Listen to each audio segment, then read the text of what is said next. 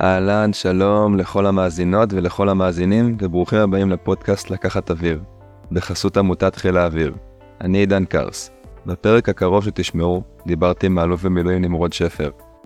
נמרוד הוא טייס קרב משוחרר, שבתפקיד האחרון היה ראש אג"ת, ולאחרונה גם סיים את התפקיד שלו בתור מנכ"ל התעשייה האווירית. נמרוד היה מעורר השראה באותנטיות שלו ובדיבור בגובה העיניים. בשיחה איתו הרגשתי ממש שאני מצליח להרגיש מה זה להיות בנעליים שלו, והצלחתי להזדהות עם האתגרים ועם הדילמות שלו. כאילו שהוא חווה אותם מנקודת מבט מאוד שונה של בכיר בצבא, אלוף משנה, תת-אלוף. הרגשתי שהוא ממש מוריד את זה לקרקע, על אתגרי היום-יום שגם אני חווה. אה, בשיחה דיברנו על הדרך מחניך לאלוף בצה"ל, על אה, שלבים שהיו יותר מאתגרים וקשים ועל משברים בדרך, איך צולחים אותם, ממשיכים ומטפסים. סיימנו בשיחה על המעבר שהוא עשה אחרי השחרור לתפקיד בתעשייה האווירית, שזה מקום חדש עם תרבות ומנטליות אחרת. איך עושים את ההתאמות וגם איך תוך חודש מקבלים החלטה להתמודד על תפקיד מנכ"ל וגם זוכים בו. אני רוצה להגיד תודה לעמותת חיל האוויר על הסיוע והתמיכה בהפקה של הפרק והפודקאסט. גם נמרוד מאוד מחובר לעמותה והוא פעיל בתוכנית המנטורינג, תוכנית חניכה לצעירים משוחררים, עם מנטורים באמת מאוד מרשימים, תוכנית שכוללת ליווי וחניכה עד להשגת המטרות האישיות של כל חניך. עד כאן להקדמה שלי, מקווה שתהנו מהפרק ותתחברו לסיפור. אם אהבתם אני אשמח מאוד שתדרגו אותנו בחמישה כוכבים, זה באמת מאוד יעזור לנו להגיע לאנשים נוספים ולפתח את הפרויקט המיוחד הזה. שתהיה לכם האזנה נעימה.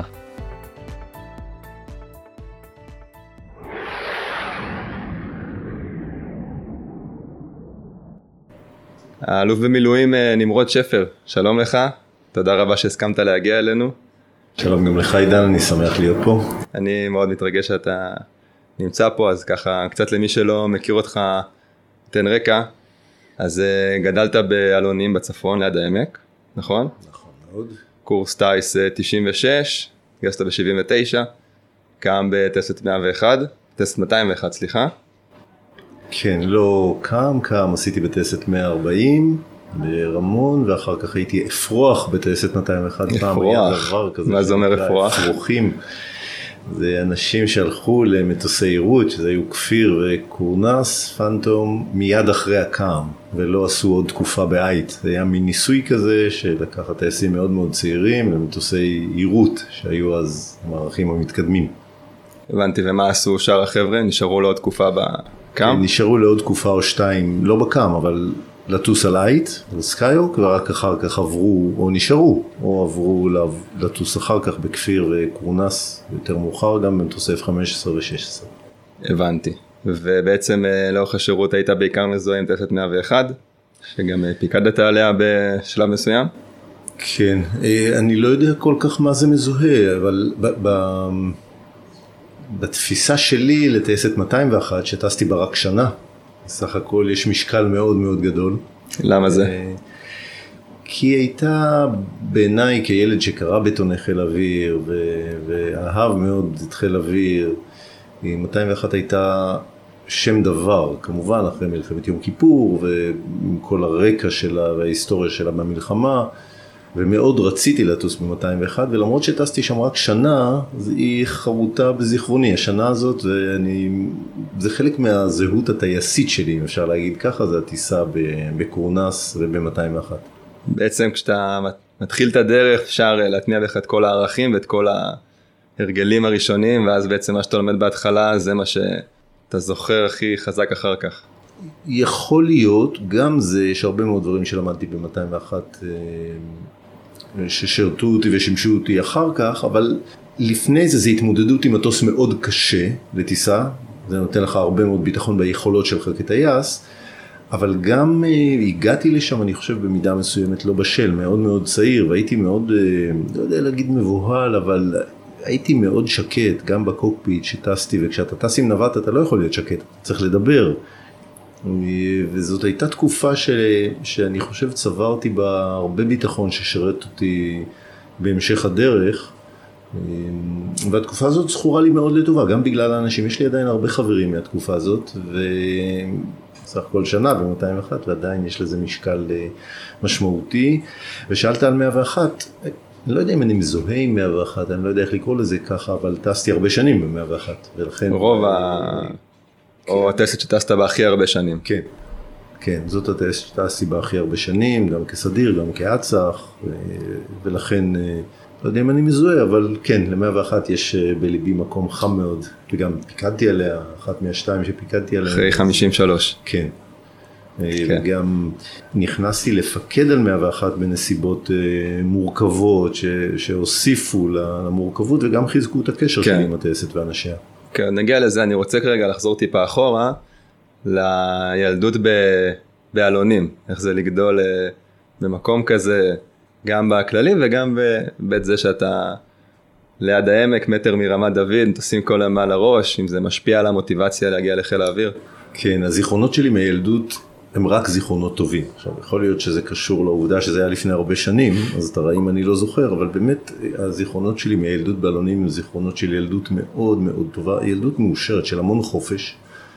אה, היינו ילדים שגדלו בטבע, בלי גדרות ובלי, אה, כמעט בלי מגבלות, והיינו ילדים שגם בגלל שבאלונים אנחנו גדלנו בלינה משותפת, לא ישנו עם ההורים, ישנו בבית ילדים, גדלנו בבית ילדים, אז, אז ההרגשה של מצד אחד חברות מאוד עמוקה וחיים בקהילה של ילדים, ומצד שני לא לחיות עם ההורים, וראינו את ההורים שלנו מעט מאוד, היא מפתחת בך גם עצמאות אני חושב, גם יכולת אה, או ביטחון עצמי בזה שאתה יכול כל דבר, אתה לא נסמך על ההורים שלך אלא אתה חלק מקהילה של ילדים, נערים אחר כך, ש, שמתנהלת אה, לבד. ויש, אה, באמת הילדות שלי היא אוסף של זיכרונות מאוד טובים, ובצורה מעניינת אלונים ממוקמת, או הקיבוץ ממוקם מאוד קרוב לרמת דוד, לבסיס, ויש לי המון זיכרונות שקשורים במטוסים, גם ממלחמות, גם מששת הימים, הייתי ילד צעיר, אה, בן שש, וגם אחר כך מ... מיום כיפור, הייתי כבר נער בן 12, יש לי הרבה מאוד זיכרונות שקשורים בחיל אוויר גם מהמלחמות. אני מניח שיש לזה חלק בה- בהחלטה שלי או ברצון שלי להיות אה, איש חיל אוויר. יש איזה זיכרון משמעותי שאתה זוכר ככה, שקשור לחיל כן, האוויר? יש לי זיכרונות מאוד אה, חזקים דווקא ממלחמת יום כיפור, שהיינו כילדים מאוד עסוקים בלהעביר אה, נערים, היינו נערים צעירים, אנחנו היינו אחראים על להעביר הודעות שהגיעו מחיילים שהיו בחזית. זאת נוסעים? עם אופניים, לא היו טלפונים בבתים, זה, זה קשה אולי לחשוב על זה ככה, אבל היו טלפונים מועטים מאוד בקיבוץ, ובקיבוץ יש מקום שנקרא מזכירות, שאליו מגיעים, אליו מגיעה התקשורת. עד היום יש מזכירויות בקיבוצים, זה אני עוד מכיר. נכון. וכשמישהו היה מתקשר ומבקש להגיד לאשתו להוריו שהכל בסדר תוך כדי המלחמה, אז הוא היה מתקשר למזכירות ושם היו כותבים פתק ואחד מאיתנו הנערים עם האופניים הייתם היה. היינו שליחים. אז זה זיכרון אחד שהרגשנו בו מאוד אה, מאוד טוב, הרגשנו מאוד חשובים וממלאים תפקיד חשוב. זה אחד. הזיכרון השני בהחלט קשור לחיל אוויר. באלונים יש אולם ספורט שיש לו גג שטוח וגדול, והמקום הזה הוא בדיוק על הציר של מסלול 33 ברמת דוד. מדהים. המטוסים הכבדים שהיו ממריאים צפונה, קורנסים שהיו ממריאים צפונה עם המון עשן ועמוסי פצצות היו עוברים בגובה מאוד נמוך מעל, מעלינו. היינו שוכבים שם, זו הייתה נקודת תצפית על העמק ועל המסלול, אני ממש זוכר ומריח את הריח של המטוסים שעברו מעלינו. אני בטוח שיש לזה חלק בעיצוב הרצון שלי להיות אה, איש חיל אוויר מתישהו, אבל בגיל די צעיר ידעתי שזה מה שאני רוצה לעשות, להיות טייס. מדהים. אז בשנת אה, 79 אתה מתגייס לקורס טיס, 96. חשבת שתסיים?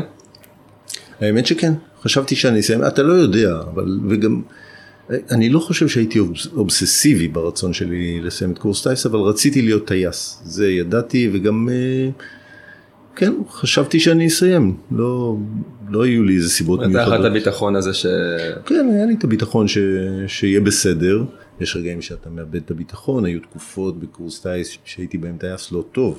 קיבלתי ציונים חלשים מאוד, עד כדי זה שכבר איבדתי את הביטחון אם אני, דווקא בשלבים המאוחרים של הקורס, תקופות שבהם איבדתי את הביטחון אם אני אהיה טייס או לא, ממש, היו גם כאלה. באו ועשו לך שיחה, תשמע אתה... כן, במתקדם, בשלב האחרון של קורס טייס שהיה אז בן שנתיים, אה, במתקדם, מתקדם קרב, הייתי במגמת קרב, והייתה תקופה שטסתי עם אה, מי שהיה אז מפקד הטייסת, אה, קראו לו רמי קופילביץ' קופי קראנו לו, וה... וה היו כמה טיסות, היה רצף של טיסות עם ציונים מאוד מאוד נמוכים. אתה בתור חניך אתה מאוד מאוד מודאג, אתה באמת לא יודע מה קורה ואיך לשנות את זה, אבל זה השתנה לטובה לשמחתי והנה אני פה. איך התמודדת עם, ה... עם הסיטואציה הזאת? אתה הרבה לחץ מופעל עליך, מוטיבציה גבוהה, אתה במקום שאתה מרגיש שאתה לא טוב, יש אנשים שנשברים בזה, יש אנשים שיודעים לקחת את הדבר הזה. איך זה השפיע עליך, מה עשית? אני רוצה לתת קרדיט. חיל אוויר, בכלל בית ספר לטיסה, השכיל להבין שמשהו לא בסדר. זאת אומרת, אני מניח שהמדריכים, לא מניח, אני יודע שהמדריכים ומפקד הטייסת, כאילו הם דיברו ביניהם. והם הבינו שמשהו לא בסדר והחליפו לי מדריך, מה שעזר לי מאוד מאוד לצאת מהבור הזה, המחליף, המדריך המחליף, טייס צעיר וטוב מאוד שקראו לו אליעזר שקדי, ואחר כך לימים נהיה מפקד חיל האוויר, ויש לנו היסטוריה משותפת ביחד. נפגשתם עוד אה, שלוש פעמים ככה כן, בערך. נפגשנו הרבה אחר כך בהמשך, אה, ויש לו הרבה מאוד קרדיט בזה שהצלחתי, והחיבור בין מדריך לחניך הוא קריטי, אם זה חיבור נכון, אז, אז אפשר לפתור כמעט כל בעיה. זאת אומרת שזה... גם אתה עמדת בלחץ, אבל זה הרבה היכולת של חיל האוויר לעטוף אותך ולתת לך את ה... זה הרבה מאוד. המוטיבציה של חיל האוויר שחניכים יסיימו קורס טייס היא מוטיבציה מאוד גבוהה, הוא עושה הרבה מאוד כדי שאנשים המתאימים אה, יסיימו. זאת אומרת, אין לו איזה מגמה להדיח אנשים, להפך. יש איזשהו נרטיב שתמיד מחפשים להדיח ואתה כל הזמן תחת מבחן ורק מחפשים אה, תמעד והלכת ואתה פה מספר משהו קצת אחר. ש... זה מאוד השתנה, ההשקעה בטייסי קרב היא מאוד גדולה, לכן המוטיבציה היא שמי שמתאים יהיה טייס קרב, או טייס תובלה, או נווט, או טייס מסוקים, זה לא משנה, אבל שמי שמתאים יסיים את הקורס, ותפיסת העולם בחיל אוויר היום בוודאי היא לעשות את המיון בשלב מאוד מוקדם, ולראות מי בסבירות גבוהה איננו מתאים. וביתר להשקיע הרבה מאוד מאמצים כדי שיסיימו ו- והתפיסה שאומרת שחיל האוויר מנסה להדיח היא תפיסה מאוד מאוד שגויה. הוא מנסה לבחור את האנשים שבסבירות גבוהה מאוד יהיו טייסים טובים ובהם להשקיע כל מה שאפשר. זו תפיסת העולם. מדהים. אוקיי, אז אתה מסיים קורס טייס שנת 81, דיברנו על הקאם ב-140, תקופה 201, ומשם מטפס ב... סולם הדרגות, תפקידים, אתה מדריך בביסט, נכון? כן. רצית להגיע? רציתי מאוד להגיע, מ-201 עברתי אחרי שנה לטוס בטייסת 110 ברמת דוד, טייסת נץ, ומשם יצאתי להדרכה בבית ספר לטיסה, זה היה מסלול מקובל אה, לטייסים.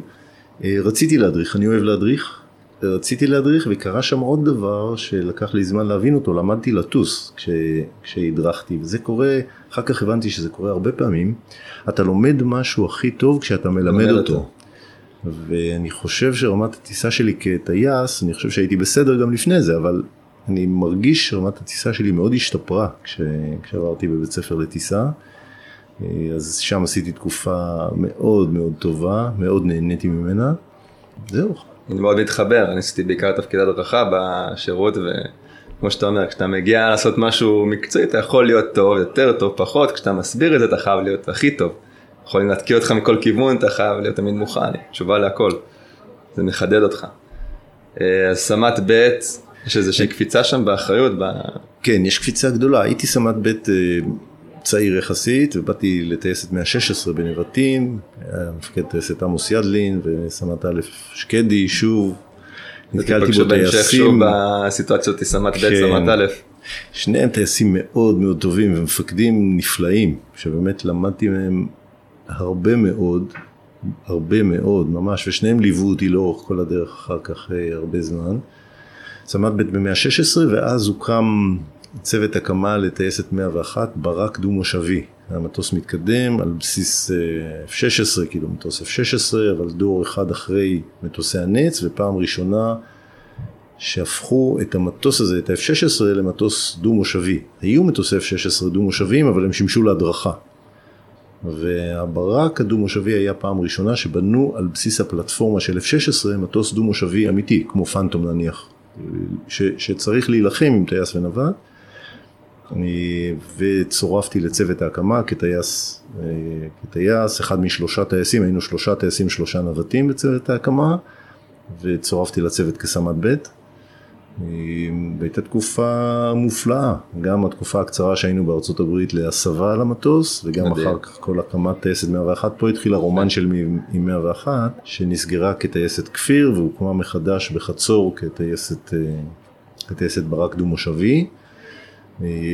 תקופה מכוננת בחיי, באמת, גם לטובה וגם פחות לטובה, אבל... למה? תקופה שלמדתי בה הרבה מאוד, כי היו הרבה מאוד מתחים בצוות, בצוות ההקמה, ואחר כך בטייסת שהביאו פיצוצים בפיקוד של הטייסת, הייתה פה תקופה מורכבת שאחר כך אה, לימדה אותי הרבה מאוד גם איך מפקד צריך להתנהג בטייסת ואיך הוא צריך לא להתנהג ומה לעשות כשיש מתח בין מפקדים שונים באותה טייסת, זו הייתה תקופה מעצבת, לא פשוטה, אבל, אבל לי כטייס ומפקד בחיל אוויר תקופה מאוד מאוד מועילה.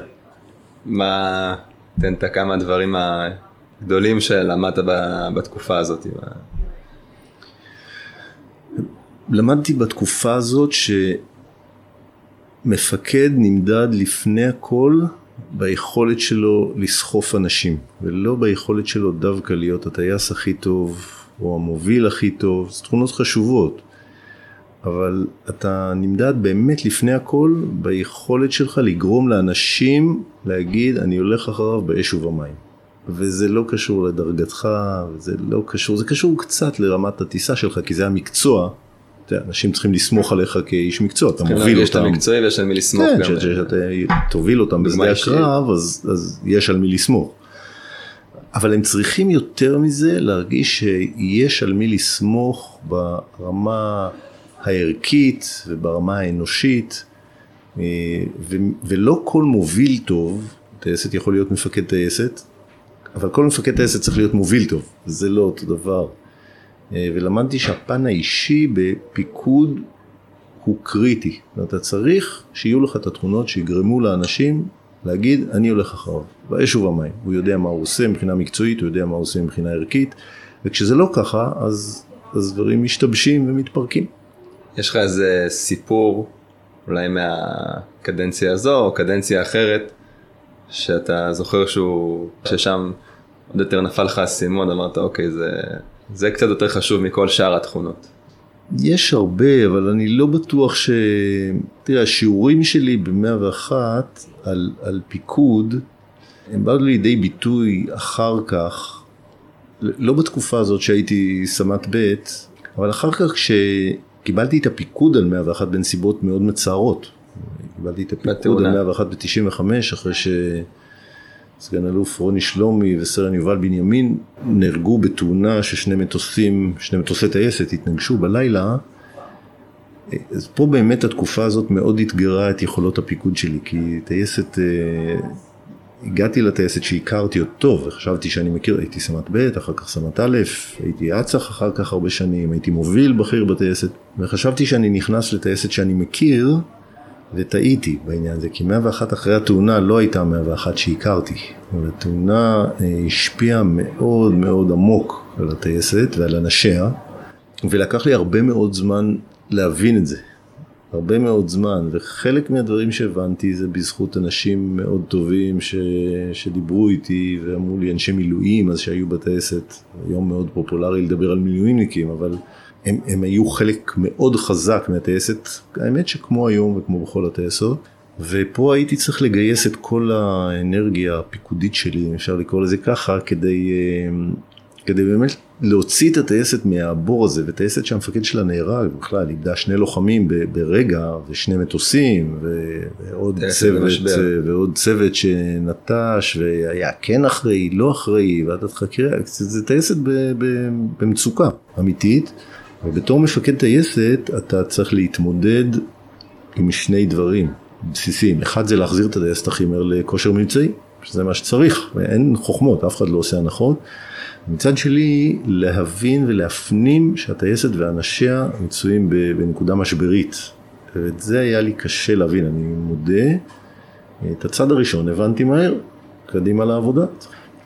ולקח לי הרבה זמן להבין שצריך לטפל גם בצד האנושי של אנשים במשבר. טייסים, גם טייסי קרב ונווטי קרב, כולנו גיבורים, אבל אנחנו יודעים להיות גם במשבר, וזה קורה. אז, אז אני חושב שפה כבר באמת הייתי צריך לגייס את כל מה שלמדתי כ, כמפקד ולראות איך ממשיכים לסחוף את האנשים גם מהנקודה הנמוכה הזאת ולזכותם של אנשי הטייסת אני יכול להגיד שעם חלק מהם אני בקשר טוב מאוד עד עכשיו שהם גייסו את האנרגיה שלהם, את הניסיון שלהם, את המשאבים שלהם, חלק היה הרבה יותר ותיק ומנוסה ממני, כדי לעזור לי, לעזור לטייסת להתקדם קדימה.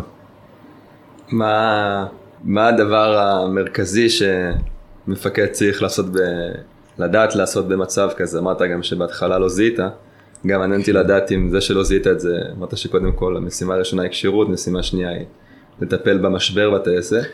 האם זה שלא זיהית את זה בזמן פגע במשימה הראשונה?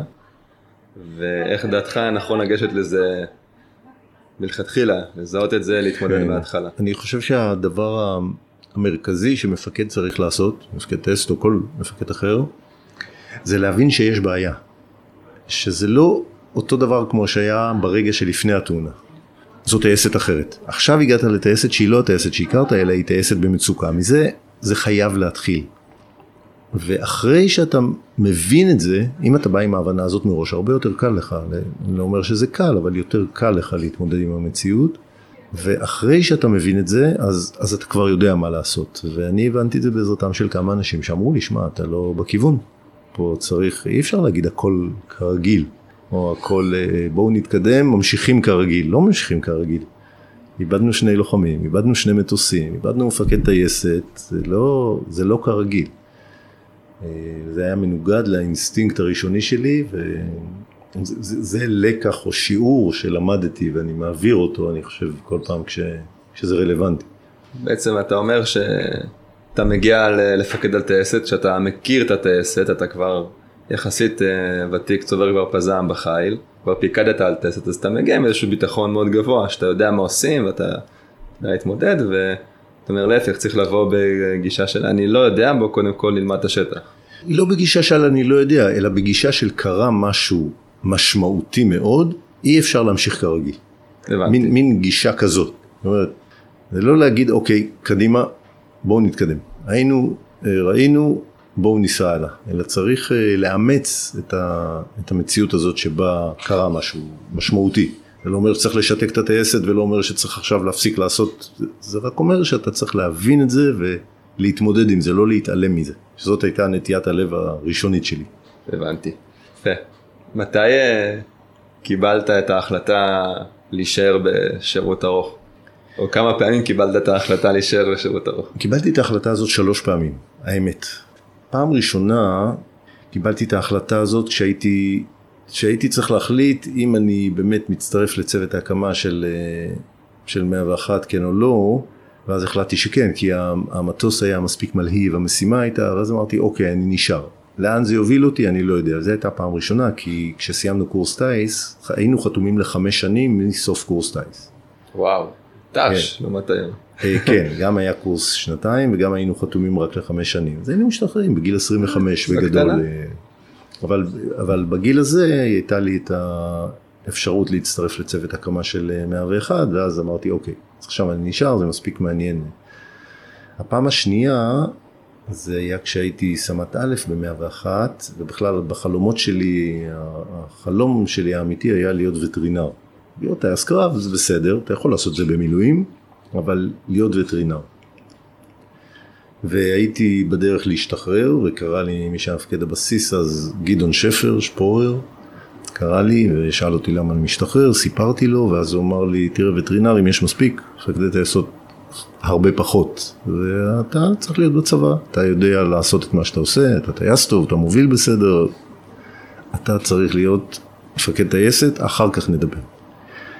ואז קיבלתי את ההחלטה שאני נשאר בחיל אוויר, לפחות עד מפקד טייסת, ואז uh, התקדמתי לתפקידי פיקוד, הייתי רמ"ח, הייתי ראש ענף במחלקת נמצאים, אחר כך רמ"ח, אחר כך מפקד רמון, ואז טסתי לשנת לימודים בחו"ל, אחרי שסיימתי לפקד על רמון. וכשיצאתי, אז אמרו לי בחיל אוויר, זה זמן לא טוב לצאת, כי כשתחזור בעוד שנה, אין לנו תפקיד. אז אולי תישאר עכשיו, תעשה תפקיד, ואני החלטתי שאני נוסע עם המשפחה. למה? מה...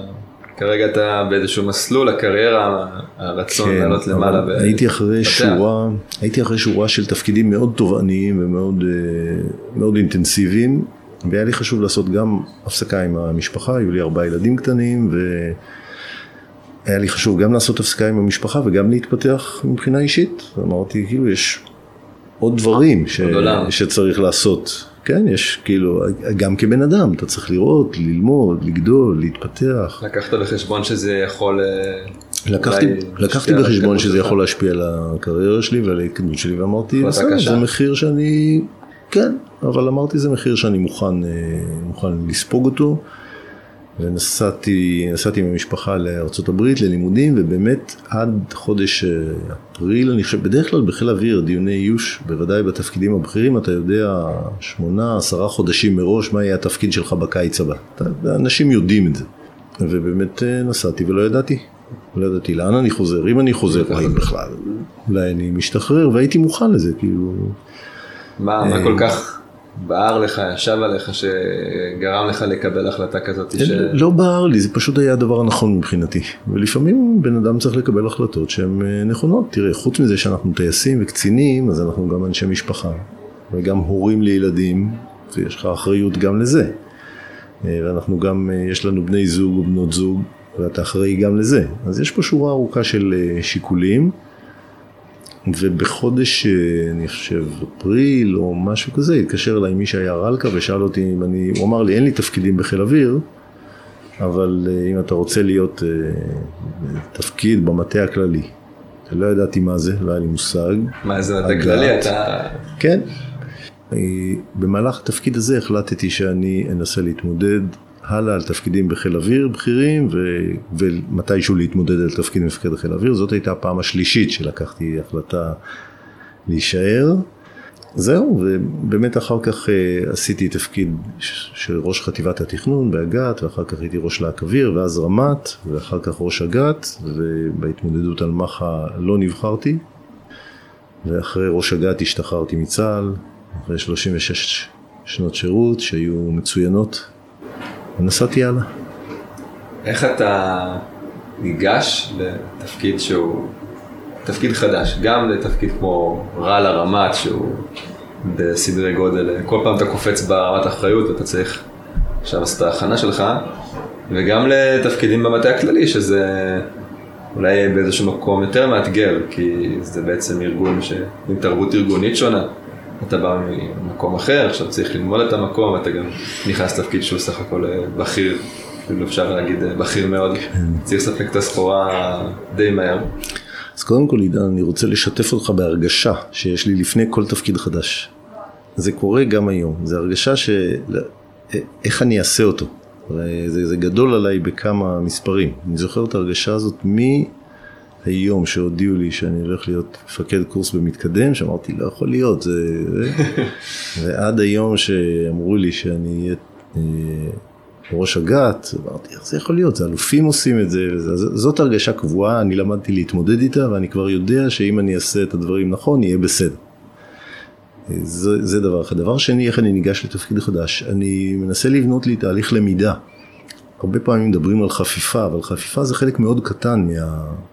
מכניסה לתפקיד חדש. ו- ואני בונה לי תהליך למידה שאני שואל את עצמי מה זה הארגון, מה אני צריך לדעת, על איזה שאלות אני צריך לענות לעצמי, עם מי אני צריך לדבר,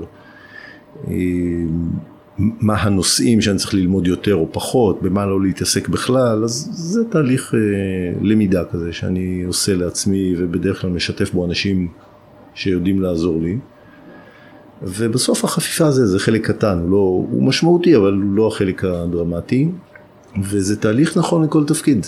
מתפקיד מפקד טייסת עד תפקיד רמ"ח או מפקד בסיס, ראש להק, ושירת אותי גם באזרחות, זה, זה לא מאוד משנה, זה בסך הכל התהליך הוא אותו דבר. תכף נגיע גם לאזרחות, רוצה רק עוד שאלה על התקופה הזאת, אמרת שחזרת לארץ, החלטת שאתה מסמן כמטרה להתפתח בציר הפיקוד אה, עד להתמודדות על תפקיד מפקד חיל האוויר. בעצם אה, כמה שנים שאתה שם את העיניים על התפקיד הזה, בסוף אתה לא מקבל אותו. איך התחושות כשאתה מקבל את ההודעה שאתה לא תהיה מפקד חיל האוויר? תחושות אה, של אכזבה גדולה. אה, בהתחלה אולי זו תחושת כישלון כזאת, אבל אני חושב שאחרי שלושה ימים כבר חזרתי למסלול. היה לי סוף שבוע מאוד לא נעים, קרא לי מי שהיה מיועד להיות רמטכ"ל, ואמר לי, תשמע, אה, הוא היה מאוד מנומס ונחמד, והוא איש על הכיפאק, הוא אמר לי, תשמע, אתה מתאים, הכל בסדר וזה, אבל אתה לא תהיה מחר. אה, ואני מאוד מאוד מעריך אותו על הדרך שבה הוא אמר לי את זה, בצורה ישירה ובלי להתפתל ובלי, הוא אמר לי, זה יהיה מישהו אחר, הוא לא אמר לי מי, אולי עוד לא ידע, אבל הוא אמר לי זה יהיה מישהו אחר, אתה לא תהיה מחר, והמשכתי עוד אה, שמונה או תשעה חודשים בתפקיד, הייתי ראש אג"ת אז, ואז השתחררתי, אז ההרגשה היא לא כיפית, אבל אה, בסדר, אתה לומדים להתאושש מדברים כאלה, זה לא סוף העולם, ואני חושב שמה שעשיתי אחר כך, אחרי שהשתחררתי, היה מעניין לא פחות, ואני לא חי את חיי בתחושה של החמצה. של הייתי מחר, אני חי את חיי בתחושה של זה היה יכול להיות מעניין אם הייתי מחר, וזה גם מעניין מאוד כשלא הייתי. שלא היית לעשות דברים אחרים. כן. אני מצטער ואני טיפה נכנס ככה לעומק של הדבר הזה, אבל אה, יש שם משהו שאמרת, הוא אומר לך אתה מתאים אבל אתה לא תהיה. זה, זה מעמיק את התחושה של אולי הפספוס, אולי אתה אומר, אולי בסיטואציה אחרת, לא. מועמדים אחרים שמתמודדים איתי.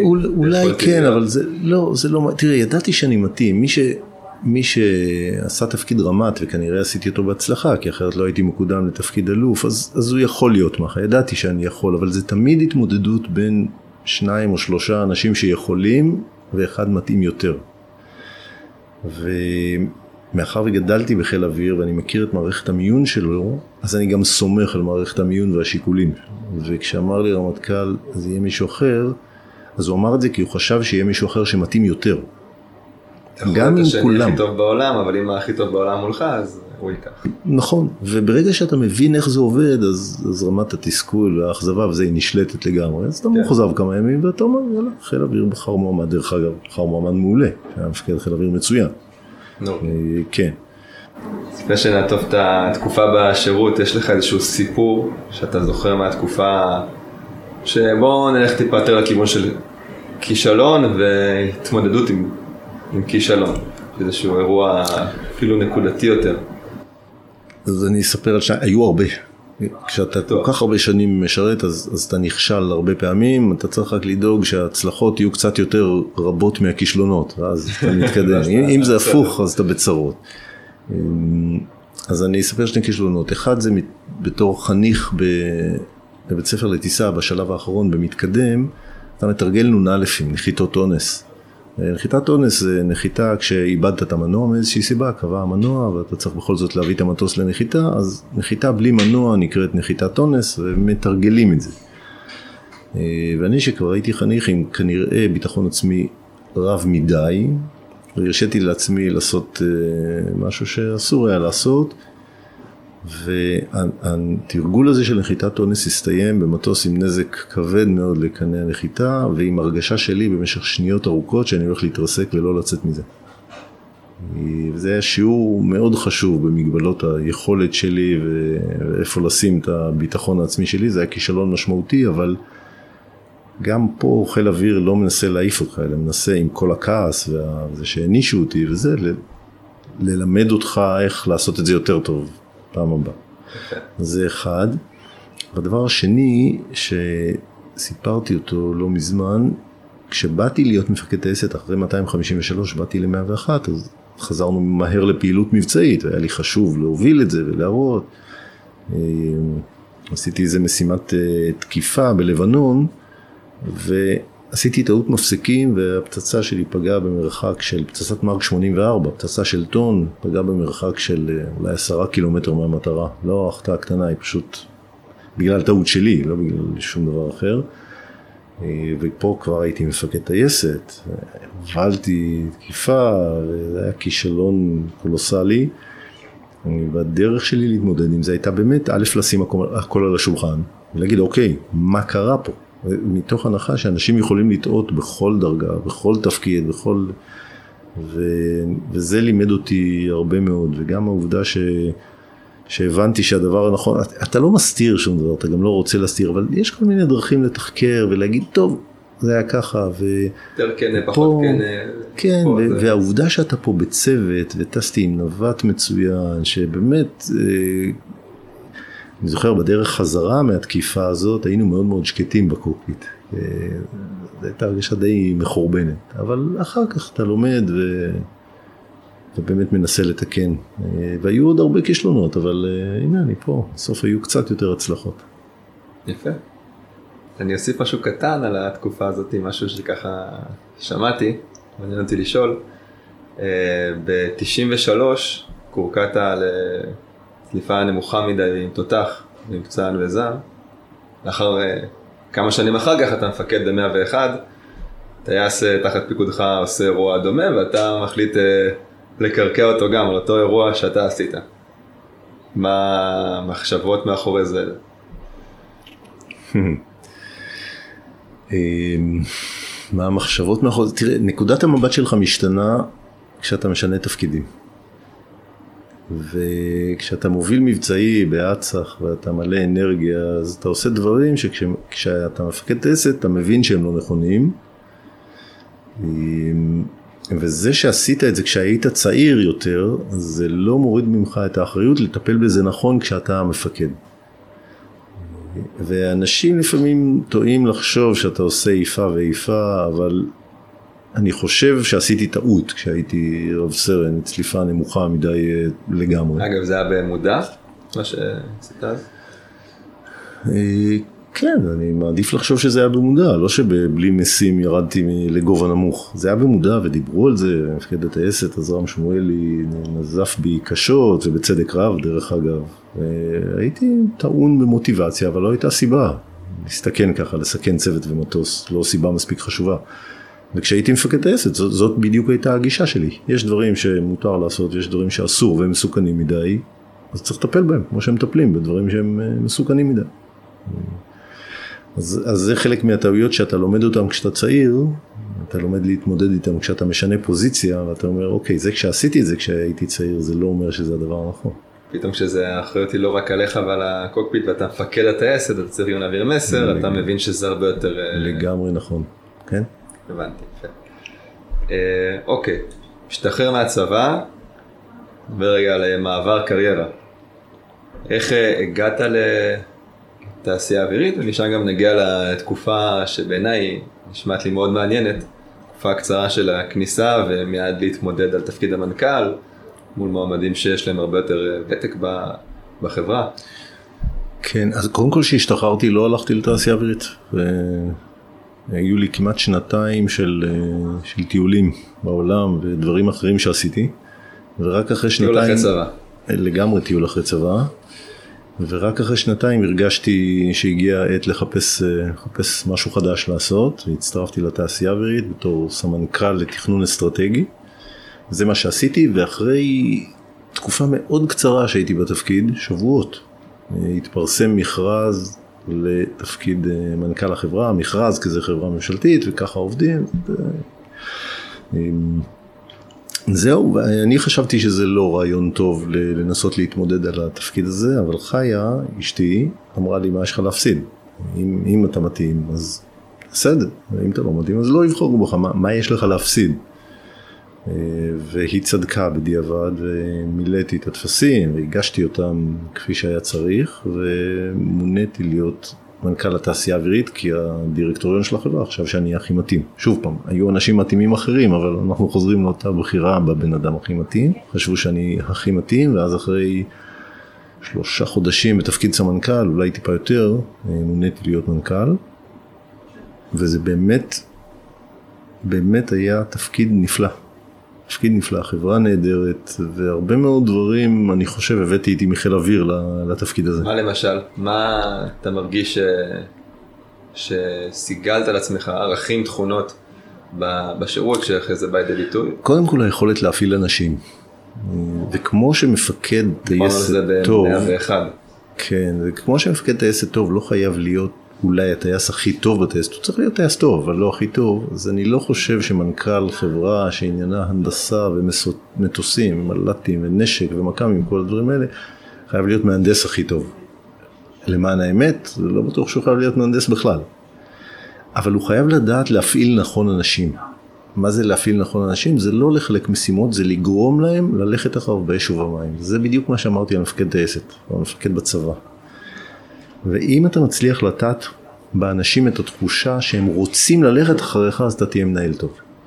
ואם אתה מספיק צנוע בשביל לחשוב שאתה לא יודע הכל הכי טוב, ולמעשה, באמת, למען האמת, היו דברים שידעתי מעט מאוד בתעשייה אווירית, כי לא גדלתי בחברה עסקית, אז הבנתי אולי במטוסים, הבנתי במל"טים, הבנתי בטילים, זה הכל בסדר, אבל החלק העסקי של החברה היה לי חדש מאוד. אז אם אתה יודע את זה ומבין את זה, אז אתה, אתה דואג שיהיו לך את האנשים המתאימים להיעזר בהם, וזה בדיוק כמו מפקד טייסת. מפקד טייסת לא עושה הכל לבד, אבל הוא דואג שיהיו לו הסמ"טים הכי טובים, והקצין הטכני הכי טוב, והטייסים הכי טובים, הוא דואג שיהיו לו, שיהיה לו את כוח האדם הכי טוב. ש... ומה, אז זה דבר אחד, והבאתי איזה מערכת ערכים שגדלתי עליה, גם קצת בקיבוץ, גם קצת בחיל אוויר, וכקוריוז אני אתן את אה, שתי ההחלטות הראשונות שקיבלתי כמנהל בתעשייה האווירית, ואותם אמרתי בשיחת הפתיחה שעשיתי עם, עם הסמנכ"לים. ואמרתי להם, תראו, בשיחה הזאת רק שתי החלטות, אני מחליט. אחת, כל ישיבה או פגישה או דיון יתחילו בזמן ויגמרו בזמן, ואין טלפונים באף פגישה. זה היה החלטות שהיה קשה לממש, כי אנשים אה, לא היו לא רגילים לזה. בסדר, נכנסים פלוס דקה, פלוס כמה דקות, וזה ייקח שהייתי צריך לנעול את, ה, את חדר הישיבות כדי שאנשים לא ייכנסו. עד שהמסר עובר. אה, כן, אה, או להוציא אנשים שאיחרו ולבקש בהם בנימוס תודה. ועניין הטלפונים היה גם הוא לא פשוט. אנשים חשבו שזה קשור איכשהו לביטחון מידע או לסודיות, ורוב הפגישות והדיונים הם לא סודיים או משהו כזה, ואמרתי להם, תראו, אני צריך את הקשב שלכם בחדר, כשיש לכם טלפון, או משחקים בו, או מסתכלים בו, או קוראים, אני צריך אתכם בדיון. וגם פה בדקו אותי כמה פעמים, ופתאום אתה שומע איזה טלפון, ואתה רואה מישהו מתכופף ככה עם היד לתיק, בקיצור, גם פה היה צריך להבהיר כמה פעמים ש... שאני מתכוון ברצינות, אבל זה עשה איזה סדר בחשיבה. זה אמר קודם כל מסר לאנשים, אני מעריך את הזמן שלכם. כשאני מתחיל בזמן ומסיים בזמן, אני מעריך את הזמן שלכם. הוא חשוב לי לפחות כמו שהוא חשוב לכם, ואני צריך את הקשב שלכם. אני לא צריך אתכם בחדר סתם כבובות. אני צריך את הקשב שלכם, וכשאתם עם טלפון בחדר, אין לי את הקשב שלכם. זה העביר אה, מסר גם על משמעות הדיוק וגם על משמעות זמן בכלל, זה חלחל אחר כך לעולמות רבים ואחרים.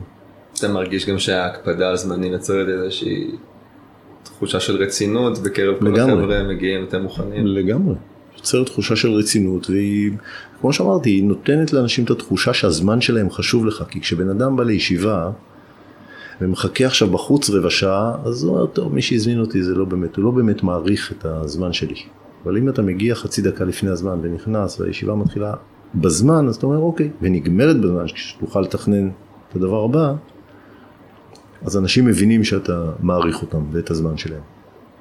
יפה. נמרוד, מה, מה מניע אותך?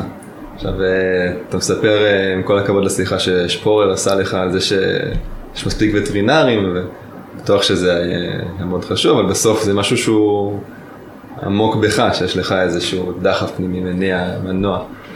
משהו ש... תראה, קודם כל רציתי להיות טייס קרב, זה... רציתי לטוס ולהיות טייס קרב, זה... לפני הכל, כן, זה, זה דבר... עשה לך את זה. כן, זה עשה לי את זה, וקראתי בעיתוני חיל האוויר, והתעניינתי במטוסים, רציתי להיות טייס קרב נקודה. לפני כל דבר הירואי אחר. שליחות. ואהבת המדינה. כן. זה... גדלתי כנער ב- בישראל, וזה היה מאוד מאוד טבעי להתגייס, בכלל לא היו שאלות אם אתה מתגייס או לא. זה זה היה מובן מאליו. והשילוב של השניים הוביל אותי לחיל אוויר, ועכשיו רק, רק בצמתים אני חושב שאני עסקתי בשאלות של משמעות. למה ואיך? כי ביום יום אתה טס, בטח כשאתה טייס צעיר, אתה בא לטייסת, אתה טס, אתה רק רוצה להפיל את כולם, אתה מוטרד מזה שיפילו אותך, אתה שואל, כאילו, אתה, אתה מתעסק ב, ביום יום, בטיסה ובעבודה, ובצמתי ההחלטה, ואחר כך הרבה יותר כשאתה מפקד, רק אז אתה מתחיל, אני התחלתי, כל אחד אחרת, אני התחלתי לעסוק בשאלות של אה, מהות, ומה בכלל אני עושה פה, ולמה, ומה החלופות, ואיך עושים את זה, אז זה, זה היה, אה, זה השתנה עם השנים, אבל ההתחלה הייתה לגמרי טיסה, פיור. אהבת הטיסה. לגמרי, ו- ואחר כך זה, זה התחבר לעוד, כשאתה, במיוחד כשאתה הופך להיות מפקד, אז כבר צריך להנחיל סיבות לאנשים, למה להישאר, כי אתה דורש מהם הרבה מאוד. אבל אני חושב שזה התחבר אצלי גם לאהבת הארץ. אה, אבל זה התחיל מטיסה. ואחר כך יש עוד משהו, אתה נכנס פנימה, תפקידי פיקוד הם מרתקים. ויש המון אתגר בפיקוד, ויש המון אתגר גם אחר כך בתפקידי המטה, הם פשוט מאוד מאוד מעניינים. אז, אז אתה לאט לאט מפתח, זה גם מעניין, אתה גם מבין שזה באמת חשוב, באמת מבין שזה חשוב וזה נכון. יש לזה הרבה משמעות, אתה מרגיש שאתה עושה משהו שיש לו משמעות, וזה משחק תפקיד אה, לכל אורך השירות. אתה מרגיש שאחר כך זה גם הדברים שגרמו לך לרצות להגיע גם לתעשייה האווירית? כן, ממש. קודם כל, המון עניין בתעשייה האווירית, זו פשוט חברה נורא מעניינת. גם בצד הטכנולוגי, גם בצד הביטחוני, ההשפעה שלה על ביטחון המדינה היא גבוהה מאוד. וגם בצד הניהולי, זה אתגר לנהל, זה מאוד מאוד מעניין, ויש פה גם צד כלכלי, לא צריך להתעלם ממנו. יש לך משכורת טובה ואתה יש לך גם מעמד, זה גם סיבות, אבל אני חושב שמה שמניע גם את אלפי האנשים שעובדים בתעשייה האווירית, חברה גבוה, אה, גדולה, וגם בתעשיות הביטחוניות האחרות, זה שילוב של המון עניין ומשמעות. הם מרגישים ובצדק רב העובדים שהם חלק חשוב מאוד בביטחון המדינה. אבל ממש, וזה נכון לגמרי. זה נכון לכל התעשיות הביטחוניות, גדולות כקטנות. זה שילוב של עניין ו- ואתגר ומשמעות אה, ותגמול שהוא בסך הכל בדרך כלל בסדר. כל אלה, וזה בעניין הזה די דומה למה שקורה בצבא, די דומה. עניין ודברים שהם יותר אני מול עצמי, מה אני מקבל, זה, זה חשוב, אבל זה הרבה המשמעות, ובעצם אה, אתה אהבת בצבא את הפיקוד, ואהבת לטוס, זה היה מעניין, ואהבת את האתגרים, וזה גם אחר כך מה ש... כן. השיקולים שהיו כש... לגמרי, אהבתי בתעשייה האווירית את הניהול מאוד, שזה מאוד מאוד דומה לפיקוד, זה אנשים מדברים על ניהול, זה מאוד דומה, זה, זה מתמצא ביכולת שלך להוביל אנשים, זה, זהו, זה, זה העניין. אהבתי מאוד את העיסוק בטכנולוגיה, אהבתי את העיסוק במערכות מורכבות ובדברים שבאמת לפעמים הדמיון הוא, הוא קטן לעומתם. אז בעניין הזה באמת אני רואה הרבה דמיון, כן. אה, אני מניח שמאזינים לנו גם הרבה אנשים שהם בצומת כזו, אולי הם עדיין בשירות והם בצומת אה, החלטה עכשיו, או שהם אחרי שירות ומחפשים את הדרך שלהם, משוחררים טריים.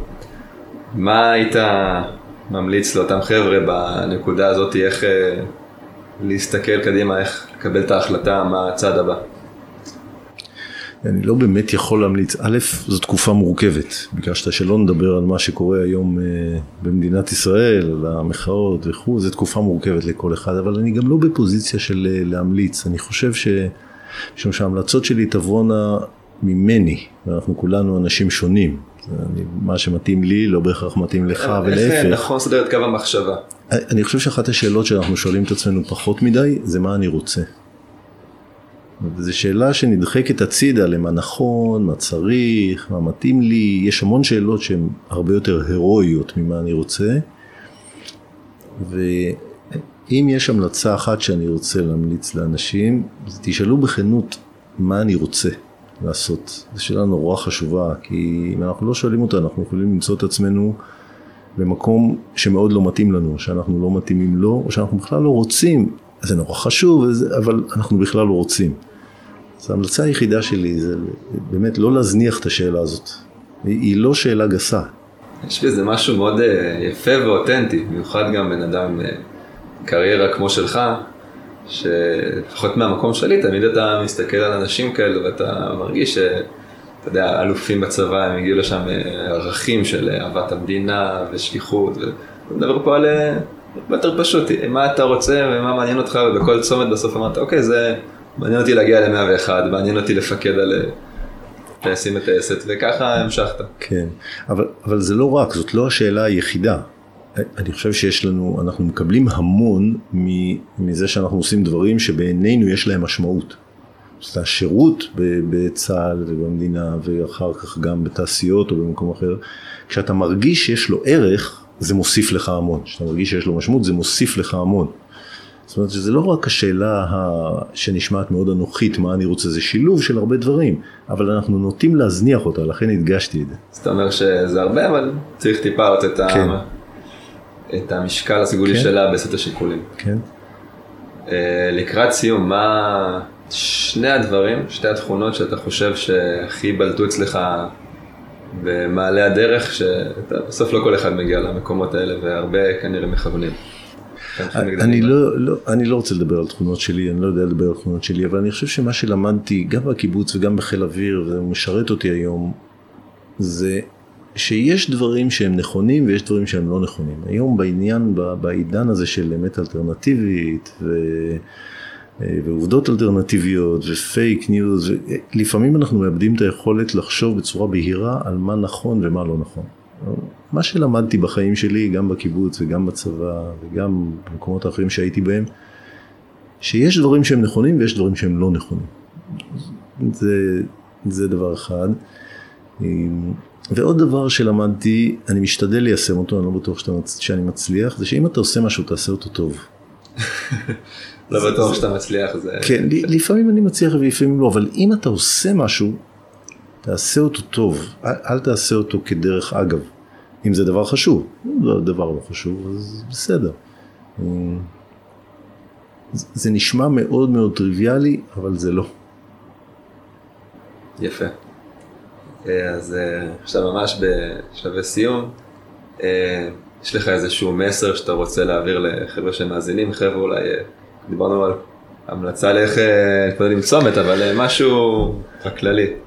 לא, אין לי מסר, אני לא, לא במקום הזה של להעביר מסרים לאומה. רק דבר אחד, אולי, זה שאני חושב שיכולה להיות לנו השפעה בעולם הזה, ולפעמים כדאי לחשוב על זה. מה אנחנו משאירים פה. יפה, אה, בכל זאת הרבה חבר'ה מחיל האוויר הולכים להאזין לנו, לשמוע את זה ו... נקבל לייקים על זה אחר כך. מקווה. האלוף במילואים נמרוד שפר, תודה רבה לך, היה לי תענוג. תודה רבה לך עידן, תנו לו לייקים חבר'ה. עד כאן לפרק הזה של לקחת אוויר. תודה רבה שהאזנתם. אם אהבתם, אני אשמח מאוד שתפרגנו לנו בחמישה כוכבים בפלטפורמה שדרכה האזנתם, וגם שתעזרו לנו להגיע לעוד אנשים שיכולים ליהנות מהפרקים והתוכן. נתראה בפרק הבא.